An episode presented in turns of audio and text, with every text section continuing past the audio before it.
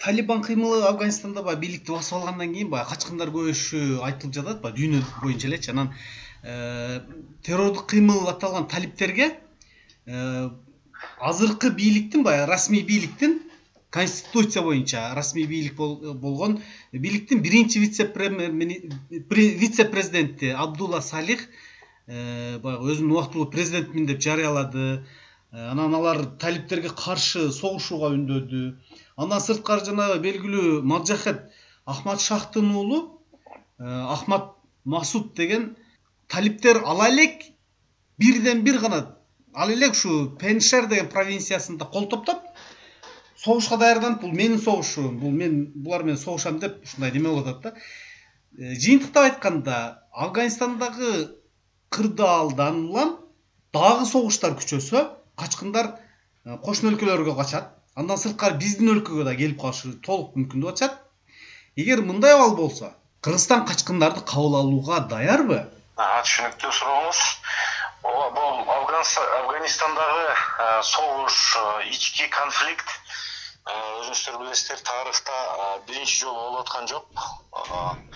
Көп жолу улантып улантылып келе жаткан тилекке каршы ошол региондогу согуш жарандык согуш десек деле болот ал жактан ар бир ушул согуштук компанияда тарыхта качкындар келген. Биздин өлкөгө дагы регионго дагы башка өлкөлөргө дагы бул сөзсүз мындайчасы айтканда ошол согуштун бир э, терс таасирлеринин бири элдердин ошол качуусу качкын болуп башка мамлекеттерден башка эне издөөсү да. Бизде кыргыз республикасы дагы качкындар боюнча бириккен улуттар уюмунун атайын конвенциясын кол коюп күчүнө киргизген. Анан биздин качкындар статусу боюнча дагы кыргызстанда атайын мыйзамдар бар. Биздин мамлекет ушундай ситуацияларда качкындарды кабыл алууга атайын укуктук негиздери бар. Бирок э, кээ бирки учурларда э, саясий моменттер да бар да. Мисалы үчүн мына кечээ мурдагы күнү э, мурда жыйырма жылдан ашуун мурдакы биринчи болгон согуштагы качып келген ууган жарандары кыргыз республикасында жыйырма жылдан ашуун жашап бирок качкын статусун дагы эле ала албай жүргөндөр жанагы бириккен улуттар уюмунун бишкектеги имаратынын жанында жана америка кошмо штаттарынын элчилигинин астында атайын ушундай тынчтык митингин өткөрүштү эле го. Ооба аны уктуңуздар баардыгыбыз көрдүк.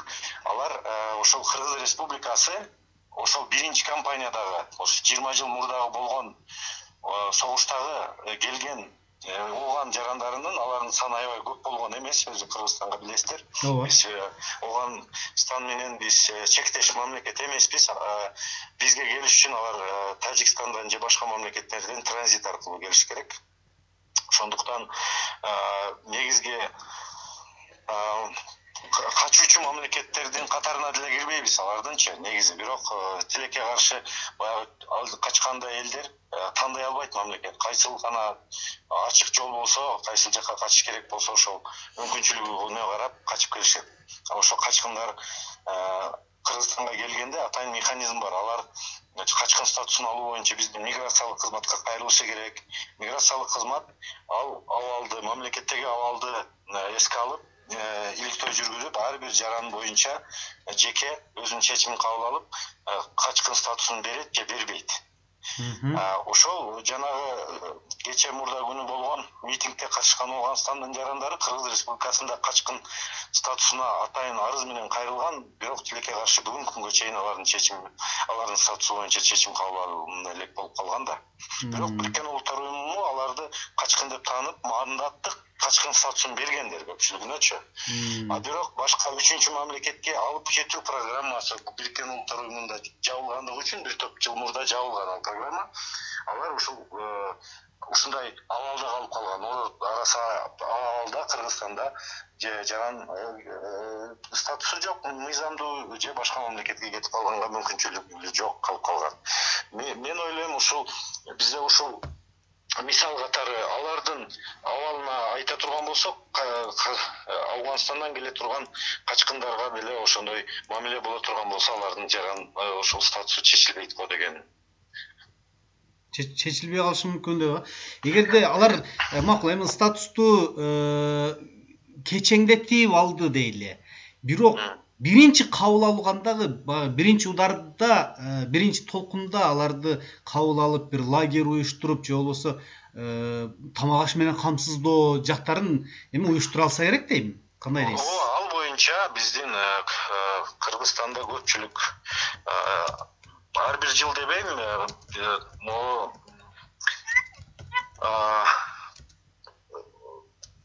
жанагы мчс дебейбизби жанагы кырдаалдар кандай эле? Өзгөчө кырдаалдар министрлиги. Ооба. Өзгөчө кырдаалдар министрлиги бул ушундай абалдарды орган. Жылына эки жылда бир атайын симуляциялар өтүп турат. Бириккен улуттар уюмунун качкындар боюнча агенттиги менен. Жана ошол миграция службасы ушул качкындар келгенде чек арадан келеби же ошол кайсыл жерден көп массалык түрдө же жеке түрдө келген учурларды симуляциялоо. Ошого даярдык боюнча атайын ошондой иш чаралар жылына өткөрүлүп турат ошол э, мчс баш болуп э, жанагы палаточный лагерь түзүлөт. Ага даярдык бар. Кыргызстан ошол конвенциядан мойнуна алган мындайчасы айтканда э, эмелерин милдеттенмелерин. ооба милдеттемелерин мамлекет эл аралык милдеттемелерин аткарууга аракет кылат.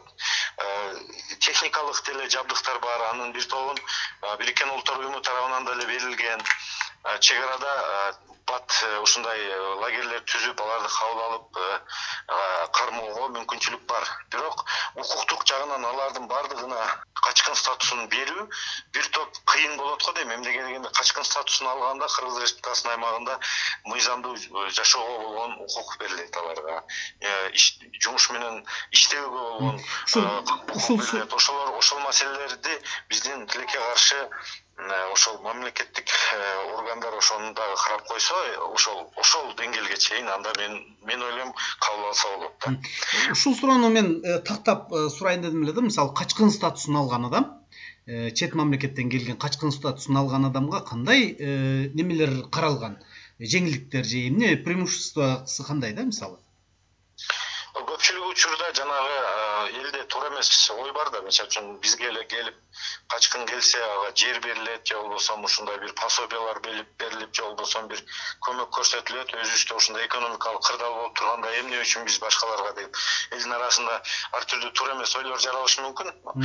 Бирок качкындар буларга биринчиден ошол өмүрүнө жана ден соолугуна болгон коопсуздугуна биринчиден ошондой кепилдик берилет. Мамлекетке келип алардын кайтарбастан чек арадан эмнеден кайтарып бере турган болсо билесиздер согуштан качып келип аткан адамдын өмүрүнө коркунуч жаратылышы мүмкүн. Биринчиден ошол дарбазаларды ачып киргизип аларды. Албетте фильтрация болот. Мамлекеттик атайын кызматтар аны фильтрация кылып террорист деп коркушу мүмкүн элдер турабы андай кылмыш жазабы болуп мына көмүскөдө жүргөн же башка эмелерин полный текшерип чыгышат алар. Чыгарышып карантинный зонасы бар карантин кылышат. Э, бар жокту э, эме кылгандан кийин аларга статус берилгенден кийин э, алар өзүн өзү камсыздоого мамлекет буларга пособие бербейт. Аларга мүмкүнчүлүк берет иштегенге. Эмнеге дегенде чет өлкө жарандары кыргызстанга келип иштөө үчүн атайын уруксат алыш керек да эмгектенүү үчүн. А качкын статусун бергенде алар автоматтык түрдө өзүн өзү бакканга мүмкүнчүлүк алат иштеп эмесине кесибине карата мүмкүнчүлүгүнө карата?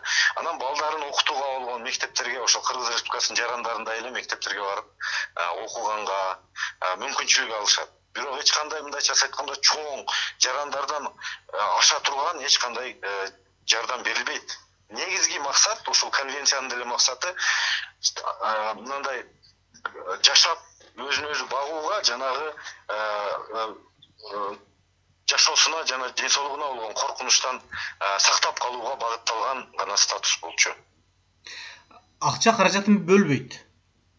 Жок эч кандай. Ал э, кандай акча каражат? Кээ бирки мамлекеттер бөлөт э, эмне дегенде өзүңөр билесиңер качкындар келатканда өзүнүн үйүн бар жогун таштап э, кожологон оокатын таштап келишет го. Ошондуктан мындай келип жашаганга мисалы үчүн квартирага баштапкы убакытта деп кээ бирки мамлекеттердин атайын социалдык программаларында качкындар үчүн көрсөтүлгөн. Бирок кыргыз республикасында ошол конвенцияда көрсөтүлгөн эң базовый деп коет баягындай базовый э, талаптарды аткарышат да булар. Бул деген мамлекет финансылык жардам бере албаса анда иштеген күнү уруксат бериш керек. Э, ошондой да мындайча айтканда медициналык базовый жардамга мүмкүнчүлүк бериш керек ошол эле вакцинация деп коебузбу азыр кандай. Ал деген бул бир гана биз алардын эмес биздин коомдун деле коопсуздугу да. Кийинки суроо жанагы немеге өтөлү? Эми кыргыз ооганстандагы ооганстанда кыргыздар тууралуу. Э, кыргызстан э, бир миң эки жүз этникалык кыргызды кабыл алууга даяр деп маалыматтар чыгып атат бирок э, өкмөт тараптан баягы расмий түрдө мындай кадам таштала элек. Анткени азыр бийликте турган талиптер менен биздин өкмөт кандай сүйлөшүп жатат аларды биз алабыз деген мындай кадамдар боло элек да. Ошо боло элек болгондугуна карабай ушуга бир миң эки жүз этникалык кыргызды алып келгенге даярбыз деп атышат да эми эгерде процедура кандай болот? Э, аларды алып келүүдөгү анан аларга кандай көмөк көрсөтө алабыз? Негизи ушул переселение боюнча бизде э, айтып атпаймынбы эгер качкындар э, качып же массалык түрдө келе турган болсо көбүнчө кошуна мамлекеттин чек арасы менен өтүшөт да наземный транспорт деп коет го или чек арага келиши мүмкүн же аэропорттордо самолет менен келиши мүмкүн э өздөрү келе турган болсо качыпчы. Ооганстандан э, качканда бир э, мисал болбодубу э, ошол талиптер менен болгон бул кампания башталганда памирлик кыргыздар бир үч жүз чактысы мынабул мургап районуна жана толуу бадашан регионуна өтүшкөн болчу э?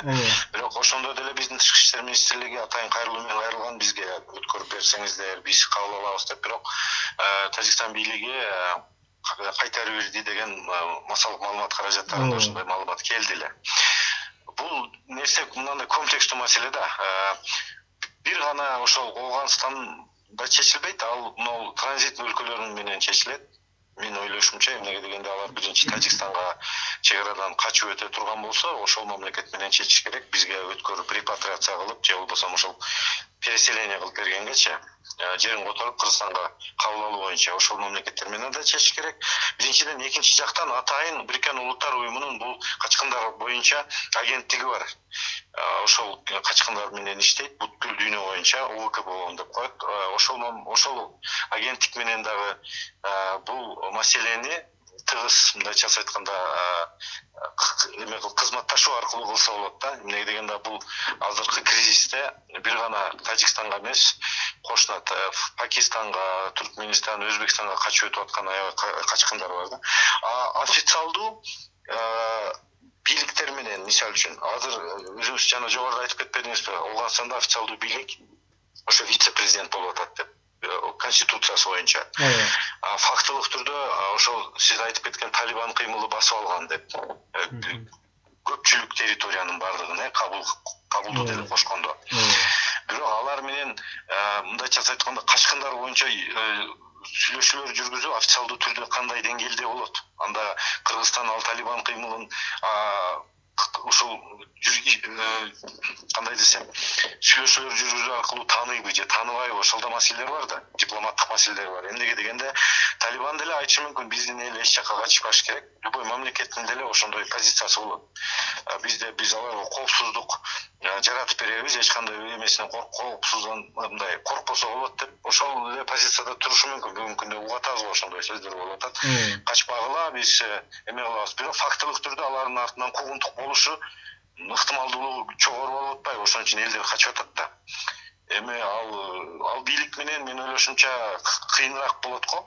Мындай жүргүзүү мындай сүйлөшүүлөрдү жүргүзүү көчүрүү боюнчачы. Качкындарды көчүрүү боюнча. Э, анан кийин транзиттик өлкөлөр жана бириккен улуттар уюмунун атайын ошол агенттиги аркылуу көчүрүп келсе болот го. Эгер мамлекетибиз ушул этникалык кыргыздарды жана сиз айткан бир миң эки жүз миграциялык служба биздин кызмат э, кабыл алганга мүмкүнчүлүк бар деген ошол эгер ушундай чечим кабыл алынса анда ошол транзиттик өлкө менен жана бириккен улуттар уюмунун атайын агенттиги менен ушул маселени чечсе болот дейм. Үч тараптуу сүйлөшүү болот экен да анда? Ооба мисалы буга чейин баягы э, ооганстандан көчүрүлүп келип чоң алайда нарында жайгаштырылган э, этникалык кыргыздарга үй салып берүү алардын документ иштерин бүтүрүү мындай узакка созулган процедура болду да эми кандай ойлойсуз? Жанагы бир миң эки жүз этникалык кыргызды алып келип алды дейли. Ошончо күч жумшапчы. Кыргызстан кыргызстан ошолордун документтерин даярдап бергенге мүмкүнчүлүгү мындай паспорт берүүгө же болбосо аларга үй менен камсыз кылууга күчү жетеби? Эмне кылыш керек? Эми финансылык мүмкүнчүлүктөр кандай деңгээлде бар экенин эми мен жаран катары мен мамлекеттик кызматта иштебеймин э, анын э, эмесин эмне бир толук жооп бере албайм бирок өзүбүз баардыгыбыз кыргызстан жараны катары билебиз да биздин азыркы күндөгү э, кыргызстандын деги эле негизи ушу пандемия учурундагы баардык экономика баардык мамлекеттерде ушундай кризиске учураган убагы. Бирок ошол эле убакытта биздин конституциябызда жазылган этникалык кыргыздарга жөнөкөйлөтүлгөн тартипте кыргызстанга келүүгө мүмкүнчүлүк берилет алардын жарандуулугун кепилдик берилет депчи ошон үчүн булар качкын эмес. Мисалы мен жогоруда айттым го качкындарга кандай жеңилдиктер берилет. Бул чет өлкө жарандары качып келе турган болсо ушул конвенция аркылуу. Бирок этникалык кыргыздар үчүн бизде өзгөчө атайын бир э, мыйзам бар. Э, э, этникалык кыргыз республикасына келе жатка кайра келген этникалык кыргыздарга болгон кепилдиктер жөнүндө атайын мыйзам бар. Аны миграциялык кызмат аткарат ал мыйзамды ал боюнча ушул көчүрүп келген мурда келген памирлик кыргыздар улуу памирден келген алар качкын болуп келген эмес да алар көчүп келишкен. Кайрылман катары.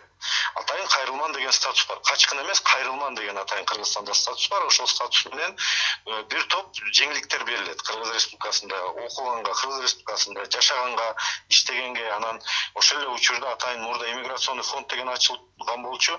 Э, мамлекет э, колдон келишинче ошол аларды кыргыз республикасынын аймагында участок берип жер берип жайгаштырганга ошондой программалар бар. Бирок булар качкын катары эмес булар кайрылман катары этникалык кыргыз катары ошондой программа бар. Баардык качкындар буга э, туура келе бербейт. Э, жалаң гана ошол улуттуу кыргыз болгон э, чет өлкө жарандары ушул программага туура келет. Негизинен менин суроом аягына чыгып калды. Анан кошумча эмне айткыңыз келди эле? Мындай эркин микрофон сунайын. Эми негизи айтайын дегеним кыргызстан көпчүлүк учурда ооганстандан келген качкындар үчүн атайын бул массалык түрдө багыт мамлекет эмес. Бул көпчүлүк учурда мына мисалы үчүн тажикстанда аябай көп афганистандан келген качкындар башка мамлекеттерде кошуна мисалы үчүн пакистан кыргызстан биз чектешиш эмес үчүн транзит гана ал тажикстандан да өтүп кыргызстанга келгенге мүмкүнчүлүгү барлар келишет. Анан алардын саны биз бүгүнкү күндө аз анын үстүнө мен ойлойм азыр одкбнын аскерлери дагы э, тажикстан менен ооганстандын ортосундагы чек араны бекемдеп турушат билбейм кандай даражада бул миграциялык потоктор болот? Туурабы ошол маселени да э, ойлонуш керек. Э, чоң массалык түрдө кыргызстанга ошо качкындардын келүүсү күтүлөбү күтүлбөйбү. Бул көпчүлүк факторлордон эме кылат да байланыштуу да. Ошон үчүн биз коопсузданбасак деле болот го дейм чоң массалык түрдө келет дегенгечи эгер эле биздин транзиттик өлкө тажикстан өзүнүн дарбазаларын ачып өткөрүп жүрбөсө кыргызстанга каратачы чек араларын ачып ошол учурда.